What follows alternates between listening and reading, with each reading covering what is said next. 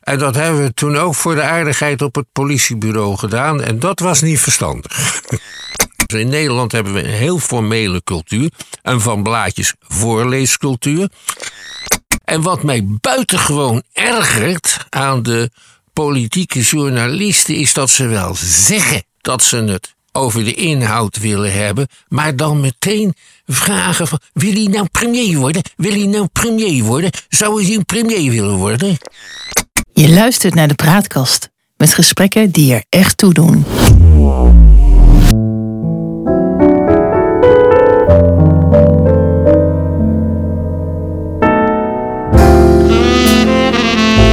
Welkom bij de Praatkast.nl. Dit is een aflevering van het Geheugenpaleis. Mijn naam is John Knierim en samen met Han van der Horst maken we deze podcast. De geschiedenis die herhaalt zich nooit, maar rijmen dat doet hij vaak wel. En dat gegeven gebruiken we in het Geheugenpaleis om dieper in te gaan op de actualiteit. En om zo te ontkomen aan de waan van de dag en om tot de kern van het nieuws te komen. Campagnetijd, dat is het. Maar wat merken we er eigenlijk van, uh, Han, dat het campagnetijd is? Uh, niet zoveel. Nee. Het is behoorlijk saai. En zo nu en dan komt er op de televisie een debat. Nou ja, debat. En dan er wordt niet gedebatteerd. eh, men houdt meer eh, uiteenzettingen. En eh, die staan dan tegenover elkaar. Ja. Ik vind dat overigens helemaal zo erg niet hoor, dat laatste. Nee?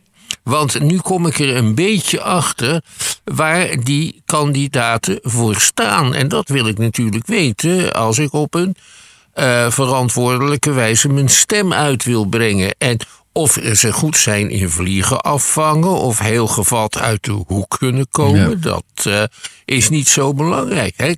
Laten we eens kijken naar een van de beste kenners van de situatie in het land, want zo mag je hem wel noemen.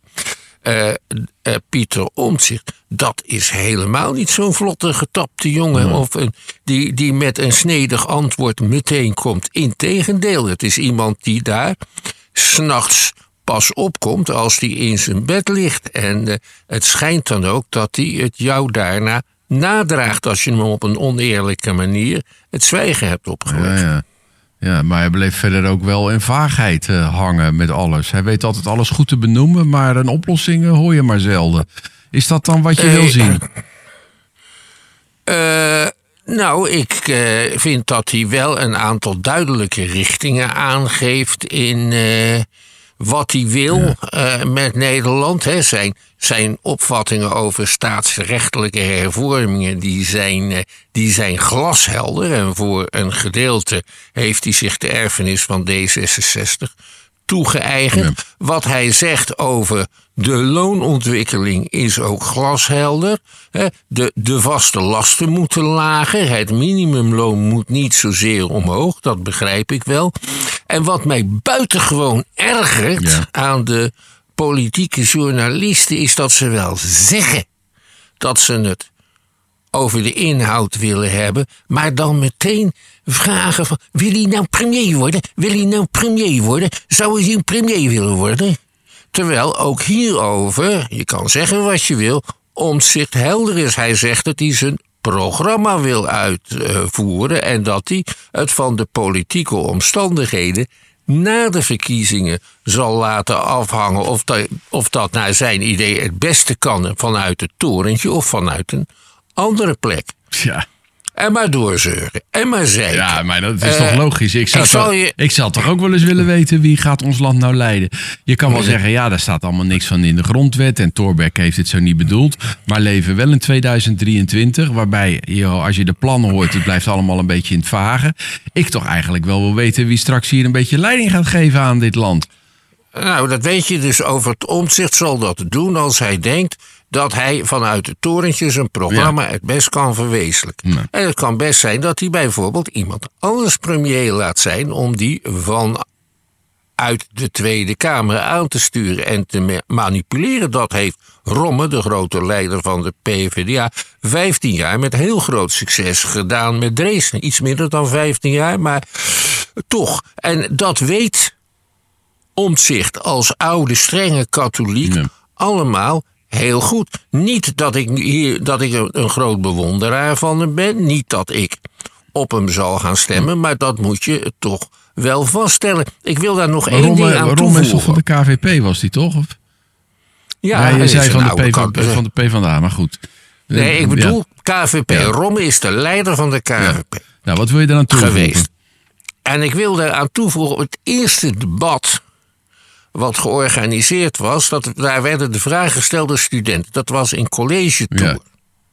En er was één student bij die had media gestudeerd. En dat was de enige die geen inhoudelijke vraag stelde, maar meteen begon premier worden. Dus ik ben over de toekomst van de politieke journalistiek in Nederland somber gestemd, want die jongen studeerde ook nog eens aan de universiteitsjournalistiek. Nou, tot zover deze rant.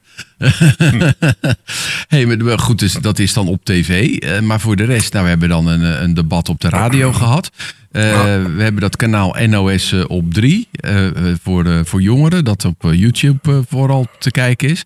Daar worden die dingen voor 100, 150.000 keer bekeken. Dat vond ik toch allemaal wel behoorlijk eh, inhoudelijk hoor. En, en die Ja, jongeren. weet ik niet. Ja, jij kijkt misschien niet, maar misschien had je dat dan eens moeten doen. Want dat, ik vond dat best verrassende televisie eigenlijk.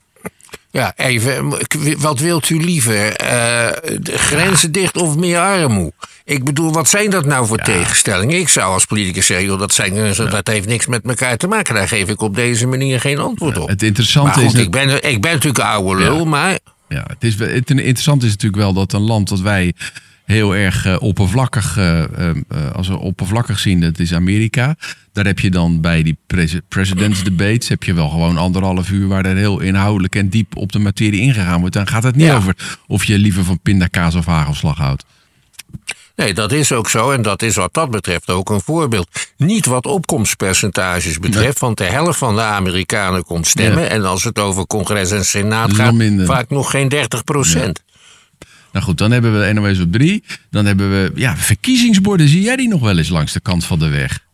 Nee, ik heb ze deze keer zelfs helemaal nog niet gezien in mijn stad. En voor de vorm werden er de laatste 15 jaar altijd wel van die grote borden neergezet. Ja. En dan zorgde de gemeente ook nog voor het beplakken. En dat gebeurde op een bepaalde half elektronische manier. Eh, maar ik herinner mij de tijd nog dat. eh, de halve bevolking een, eh, een groot aanplakbiljet eh, aan het raam had hangen van de partij Nee, van zijn nee, voorkeur. Ik heb er werkelijk de, hier in de. In, ik woon in Den Haag, zoals, zoals jullie weten. Ik heb er nog geen enkele gezien. Nee. Eh, verkiezingsborden, dus verkiezingsplakaten. Ook niet op, op lantaarnpalen. Of, of ben jij flyertjes in de hand geduwd op de markt? Ook niet. Helemaal niet. Eh, er is maar één partij die het een klein beetje doet bij mij in de stad Schiedam, waar ik woon en in mijn buurt. En dat is Denk. Ik woon in een buurt waar Denk ongeveer, nou, bijna de helft van de stemmen heeft. Dus die zetten dan eh, van die kartonnen borden rond eh, lantaarnpalen. Nou, en daar wordt door de gemeente dan met gefronste wenkbrauwen Ja. naar gekeken. Want wie haalt ze straks weer weg en zo. Ja, ja, ja, ja, maar dat mag natuurlijk eigenlijk niet. Maar, maar, maar vroeger de hele stad, joh. En, en, Ik was ja, en, en televisiereclame. Ja, ik, ik kijk niet meer zoveel televisie, maar die zie, zie je ook Een niet klein zoveel. beetje. Ja. D66 is bezig. Die hadden heel veel spots te- in het eh, debat van RTL op eh, zondagavond. ja, uit een onderzoek. Omdat eh, ze zelf niet mee mochten doen. Ja, uit een onderzoek van de Universiteit van Amsterdam dit blijkt overigens dat eh, de politieke partijen veel minder geld uitgeven aan de, de campagne dan eh, bij de vorige landelijke verkiezingen. Het is nu nog maar een derde van eh, wat ze toen uitgaven. Het is iets van eh, 200.000 euro geweest of zo, dus dat is ook haast niks. Nee, en het is ook een tamme verkiezingsstrijd en dat had niemand verwacht. Nee. Eh, er zijn nieuwe mensen die zich moeten profileren enzovoort. Maar het is allemaal heel rustig en gematigd enzovoort. Het, het lijkt wel of iedereen zich ook een beetje probeert te spiegelen aan de nieuwe profeet Omtzigt. Ja, ja, want die doet dat ook niet. Een beetje daaraan proberen op te trekken. En social media, daar heb ik vanmorgen nog eens even bekeken op Facebook en eh, op Instagram. Maar ja, ik moet zeggen dat, eh, dat ik daar allemaal maar heel mager vind van links tot rechts hoor, wat daar Ja. gebeurt. Dat, is ook zo. Ik kom een groot aantal persoonlijke aanvallen tegen op Usfrenske, zoals die dan uh, Ja. in, Ja, in de zie ik rechter ook wel, ja. wordt Ja, genoemd. ja. Maar dat, dat is het wel zo'n beetje. Ja, maar dat is dan ook vooral binnen de, binnen de eigen bubbel dan een beetje communiceren. Dus daar schiet je ook niet zoveel mee op. Nee. Hoe ging dat dan vroeger? Want vroeger zei je, ja, massaal plakten mensen een plakkaat eh, met de partij, eh, de naam van de partij op hun, eh, op hun raam. Ja, en eh, op welke partij je moest stemmen, dat hing heel erg eh, af van de zuil waarin je thuis Ja. hoorde. Eh, en je kon de, de, wij hoorden thuis in de katholieke zuil en je kon de plakkaten van de KVP bij de uitgang van de kerkdeur krijgen. Maar mensen gaan niet meer naar de kerk, dus dat wordt een Eh, beetje nee. lastig dan natuurlijk. Ja. Maar dan kan je ze altijd nog langs eh, brengen. En eh, ik heb één keer een hele grote plakactie van de VVD veroorzaakt. Oh ja, wat heb je gedaan dan? Nou, dat was in 1971. Wij woonden toen met een aantal vrienden op, een, op de studentenflat. En toen had ik een beetje uitgerekend... als we nou van aluminiumfolie hele grote letters maken... Ja. en per raam één letter zetten... dan kunnen we precies krijgen stem links uitroepteken. Oh ja. En dankzij de, dat aluminiumfolie kon je dat dan de hele dag in heel Amsterdam-Noord zien. Nou zat er één meisje bij ons op de verdieping die aanhangster was van de VVD, dus die deed niet mee, maar die was toevallig de spatie tussen stem en links. Dus dat kwam goed uit. Ja, die heeft toen een enorme affiche van de VVD opgehaald. Ja. En bovendien met partijgenoten affiches gaan, eh, gaan, gaan plaatsen bij alle studenten op de flat. En al gauw was, was zeker de helft van al die ramen beplakt met enorme affiches van de VVD. En daarmee was dus de, de gedachte dat de Amsterdamse studenten allemaal zo links waren in 1971 behoorlijk geloogstraft. ja. Wiegel was toen natuurlijk wel wel- heel populair ook eh, in die Ja. tijd. Ja. Ja, die was toen in zijn, eh, in zijn grote Ja. tijd. Eh, wat we, dus de, en, en overal in de stad hingen die affiches bij de mensen thuis. Want je liet dat zien van welke partij je was. En daar stond op het lijstnummer heel groot en de naam veel kleiner. Ja. Want daar ging het eigenlijk niet zo verschrikkelijk om. Nou, en dan op de verkiezingsavond trokken degenen met politieke belangstelling de stad in. Ik woonde toen in, eh, in Amsterdam, waar ik studeerde. En alle politieke partijen, behalve de CPN en de PvdA, die huurden dan een zaal in Krasnapolski. Ja. En de grootste zaal was van de VVD. ja. En daar werden dan En, de eh, uitslagen, werden daar, eh, daar werd erop gewacht. werd Ja. erop gewacht en bekendgemaakt. En dan eh, scandeerde er iemand, en ik weet zijn naam niet meer. En die was de, heette de, zijn de enige arbeider in de VVD. En die scandeerde dan bij elke uitslag liberalen. En dan antwoorden wij in de zaal asociaal. Ja. En de zaal was zeker voor driekwart gevuld met Ja, niet-VVD'ers. ja. hey, maar dat was niet jouw, eh, ja, dat, dat, dat plakincident wat je daar beschrijft met dat stemlink. was niet jouw eerste plakincident volgens mij. Nou, ik heb wel, eh, wel meer geplakt. Niet alleen voor eh, politieke partijen en zo. Maar dat moet je doen met waterglas. Dat is eh, gemaakt op basis van, van kiezelzuur. En als je affiches plakt met waterglas... zijn ze haast niet van muren te verwijderen. En plakken, behalve op de aangewezen plekken, dat mocht niet. Dus daar lette de politie ook op. En in, dan was het in, volgens de meeste gemeentes hadden een verordening waarin stond dat het verboden was om met waterglas over straat te gaan. Oh, zo erg was het zelfs. hè? In een, in een, in een emmer. Ja, in een emmer. en dat mocht niet, dat was strafbaar. Ja, ja. Want dan was duidelijk waar jij, wat jij van plan was. Een beetje illegaal Ja. eh, ophangen. Ja. Wat men ook al in mijn tijd nog deed, maar weinig, maar voor de oorlog heel erg veel, dat was kalken. Dat was helemaal verboden. Dus kalken op straat. Dus met witkalk dan. Met witkalk doen wat nou, eh, wat nou eh graffiti-spuiters doen. Ja, ja. Hè, maar met heel andere letters. Vaak waren, zijn dat, als je oude foto's ziet, zijn het echte kunstwerken. En daar gebruikte men natuurlijk ook schablonen voor. Ehm, maar dat, eh, dat koken, dat was een grote zaak. En ik heb in De Voorwaarts, dat is een socialistisch dagblad in Rotterdam uit 1925, een stuk gevonden onder de kop al te grote ijver. Uh, want de katholieken waren heel erg boos. Socialisten zouden op de kerk, de katholieke kerk van Hildegersberg in aanbouw zijn geklommen. En die hadden de toren beplakt met socialistische affiches. Wat een goede actie. En ja, en, nou, dat, en dat, dat was natuurlijk was schandalig, heiligschennis enzovoort. Groot schandaal. En de voorwaarts die nam afstand van deze actie, want die zei: je moet nooit onze affiches plakken op plekken die voor andersdenkende heilig zijn. Hm. Maar om nou te zeggen, dit is een anticlericale actie. Nee, dit was al te grote ijver van jonge en lenige partijgenoten. Ja, dat was in 1925 was dat. Uh, ja. ja de... en, en, en dat soort verkiezings, die verkiezingsstrijd was ook toen, maar ook tot in de jaren 50, heel fel. je had ooit nog wel affiches, dan werd de, de, tegenstander echt als de duivel of als een draak uh, afgebeeld. Hmm. En in de jaren 50 was de strijd tussen de PvdA en de KVP ongemeen fel.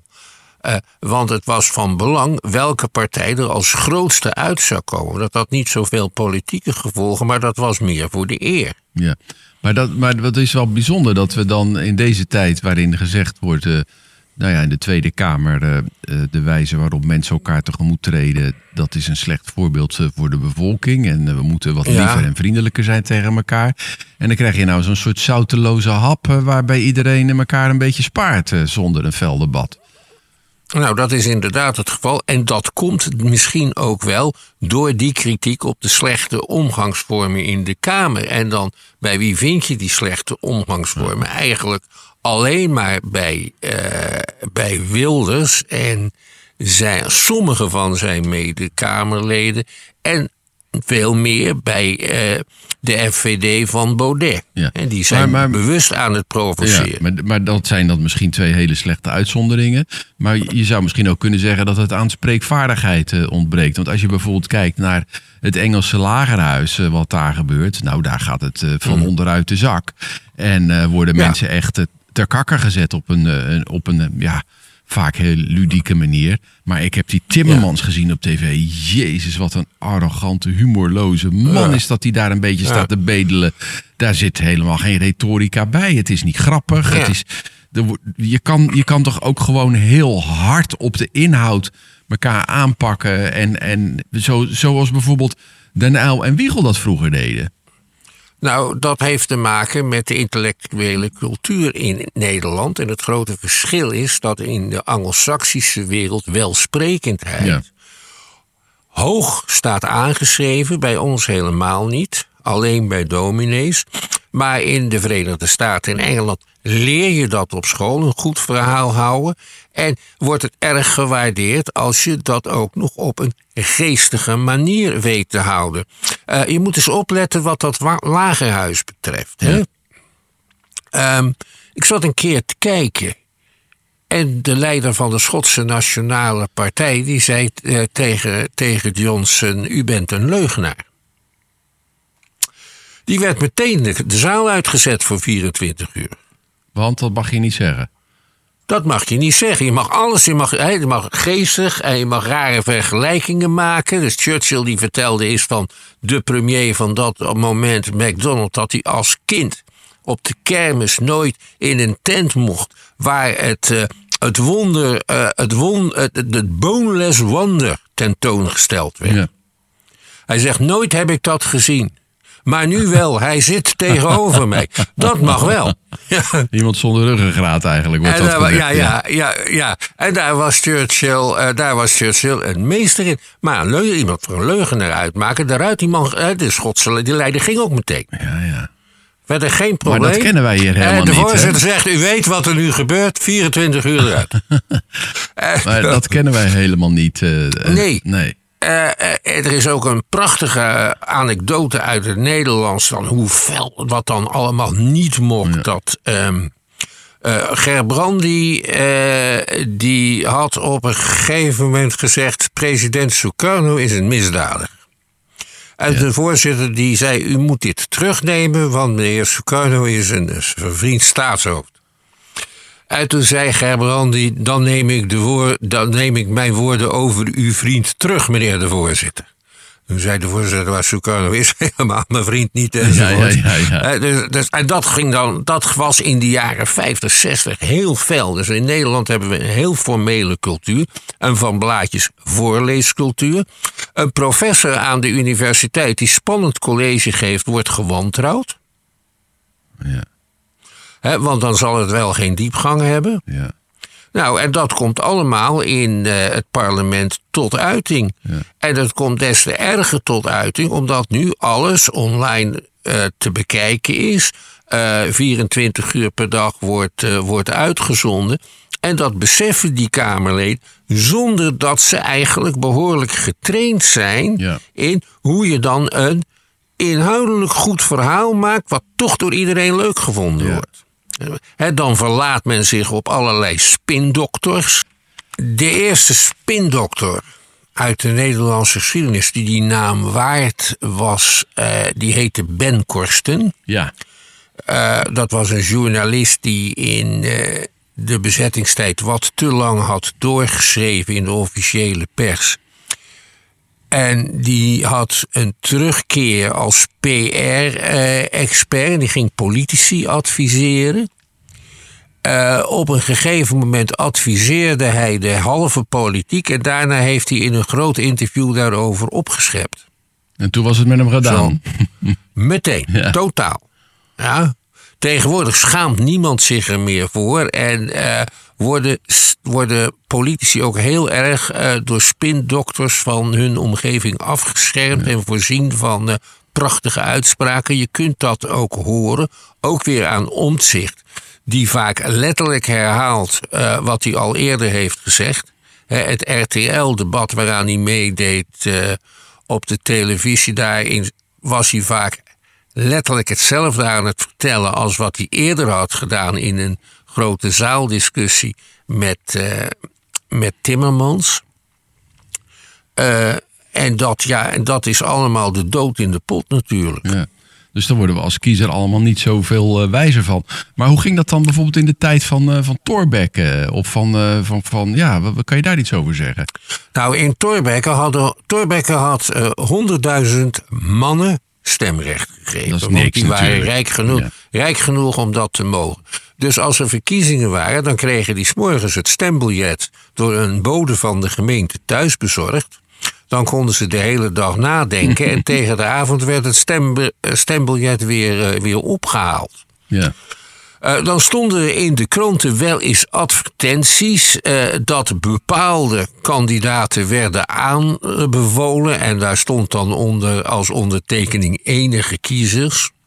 Of enige liberale kiezers, maar dat was het wel. En één keer heeft koning Willem III bij die stembiljetten een officieel stemadvies op de conservatieven bijgevoegd.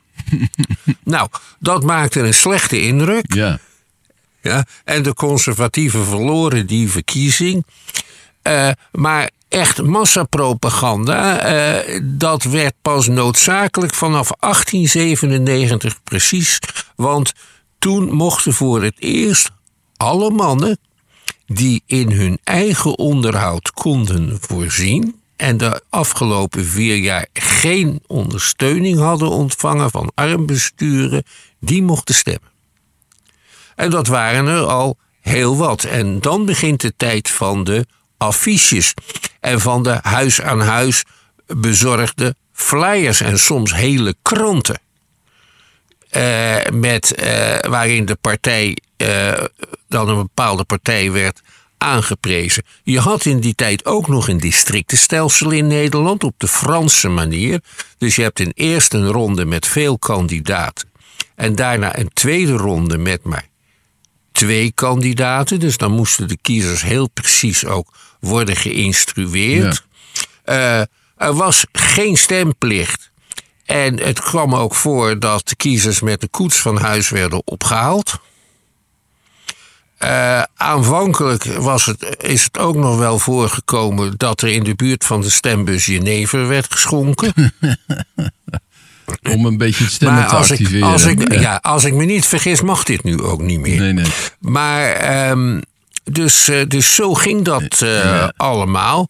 En dan met die twee rondes, dat werkte dan als volgt. Hè, want er wordt wel gezegd, we moeten in een districtenstelsel moeten komen, want dan krijgen we minder partijen. Dat is in Nederland niet gebleken. Eh, er deden bij zo'n verkiezing dan in de eerste ronde drie verschillende liberale eh, kandidaten mee en drie verschillende confessionele kandidaten, gereformeerde, hervormde en katholiek enzovoorts. En dan had je de uitslag. En bij de uitslag had niemand een meerderheid. Dan gingen de partijen onderhandelen welke kandidaten zich terugtrokken. Ja. Ja? En dan zeiden ze als nou in Schiedam de katholieken en de antirevolutionaire, kandidaat van de CHU van Limburg-Stieren, steunen, dan steunen de katholieken, laten we zeggen ergens in de Betuwe, een AR en daar. Dus dat was een heel ingewikkelde rekenarij, dat heette de koelhandel. En zo werden eigenlijk ook de uitslagen van de verkiezingen gemanipuleerd. En dat is de voornaamste reden waarom men in Nederland met het districtenstelsel is opgehouden. Dat leidde ook helemaal niet tot weinig partijen in, in de Tweede Kamer. Lijkt een beetje op hoe de Eerste Kamer tegenwoordig gekozen wordt. Er vindt door in die provincies ook allemaal eh, eh, handeltjes plaats om ervoor te zorgen dat mensen er optimaal er, eh, uit, zo optimaal mogelijk uitkomen. Ja, Daar, daar kon je het mee vergelijken. Ja. Daar werd iedereen ook tureluurs van. Het was trouwens ook nog zo dat als iemand tussentijds aftrad of doodging. Dan moesten nieuwe Maar dat verkiezingen gehouden worden, zeker. Ja, ook, ook bij gemeenteraden. Dus, er was, dus iedereen ging wel drie, vier keer per jaar naar de stembus. Ja, ja. Daar werd men ook tureluurs van. Ja, ja, ja. Nou ja, dat hebben we allemaal eh, achter ons eh, liggen. Dat is eh, lang vervlogen tijden. Eh, samenvattend kunnen we zeggen, ja, het is er allemaal op dit moment niet, niet spannender op geworden. En of we er als kiezer zoveel wijzer van worden, is ook maar de vraag. Wat gaan we nog zien de komende weken voor de verkiezingen? Eh, ik denk meer van hetzelfde. Tenzij zich iets heel bijzonders eh, voordoet. Hè. Eh, maar neem nu de zaak, de oorlog tussen Israël en Hamas die is uitgebroken. Die geen leidt issue. wel tot. Maar nee, niet voor de verkiezingen. Het is wel een issue, Ja. want heel veel mensen hebben daar een heel duidelijke opvatting over. Maar het beïnvloedt de verkiezingen op geen enkele wijze. Nee. Daaruit blijkt overigens de volwassenheid van de Nederlandse kiezer Want, dat ze zich daardoor niet laten afleiden. Het gaat erom dat we een sterk Nederland krijgen. ja, eh, met een eh, hersteld vertrouwen in de politiek. Want we gaan zware tijden tegemoet. En ik krijg sterk de indruk dat de meeste mensen dat beseffen. En op basis daarvan hun, hun stem bepalen. dus, dus eigenlijk wel ze hoopvol wat jij zegt dan. Dat, dat, Ja. dat het nu niet zo'n schreeuwerige campagne is. Dat Nee. komt misschien door de ernst van de tijden dan. Ja, dat. En, eh, en je, ik kom er nu echt een beetje achter hoe politici denken en wat ze belangrijk vinden. Ja. Hun beloftes doen er ook niet zoveel toe. Nee, dat blijkt ook Want wel. die, hè, want die kunnen ze toch niet waarmaken, omdat de omstandigheden anders zullen worden. Ja, dus het is veel beter dat we nu een, eh, een beeld krijgen van ja, wat voor persoon is dat nou eigenlijk en durf ik daar mijn Ja. vertrouwen aan te geven. Ja, en heeft hij een goed verhaal? Ja, Eh, hoe lijkt dat op mijn verhaal? ja, ja. Ja, dus in die zin eh, is het ook wel een hoopvolle tijd dan voor de democratie. Ja. Maar ik mis het wel. Die affiches waren toch wel, je gaat toch wel de stad een kleurig aanzien. ja. En door de politie achterna gezeten worden is ook leuk. Ik Ja. kan ze wel even bellen, Han, eh, dat er bij jou thuis iets niet pluis is. Dan heb je zo'n agent in je nek hijgen. Dat vind je denk ik ook niks. Wij wisten altijd eh, toch wel te ontsnappen, behalve één keer. Maar dat waren geen verkiezingsaffiches. Eh, toen wilden we de politie eh, pro- eh, provoceren. En we plakten toen in 1970 overal waar huizen leeg stonden, plakten we een kleine A4-affiche met daarop kraak, kraak. en dat hebben we toen ook voor de aardigheid op het politiebureau gedaan. En dat was niet verstandig. Nou, dit zijn eh, de strapatsen van de jonge heer eh, van de Horst. Hallo. als eh, linkse activisten. Nou, Ja. we moeten het hier maar bij laten. Want eh, ik hoor allerlei dingen van je die ik misschien eigenlijk wel helemaal niet wil weten. Dit was eh, weer een aflevering van het Geheugenpaleis. We maken dit in samenwerking met de Praatkast. En uitzendingen zijn te vinden op www.praatkast.nl. Abonneer op onze podcast kan in de podcast-app die je vaak gebruikt. En dan krijg je automatisch een bericht wanneer een nieuwe aflevering online komt. En wil je ons mailen, stuur dan een bericht naar info.praatkast.nl. Voor nu bedankt voor het luisteren. Tot eh, de volgende keer. Wees gelukkig, blijf gezond en denk aan een Amerikaans verkiezingsdevies. Vote early, vote often.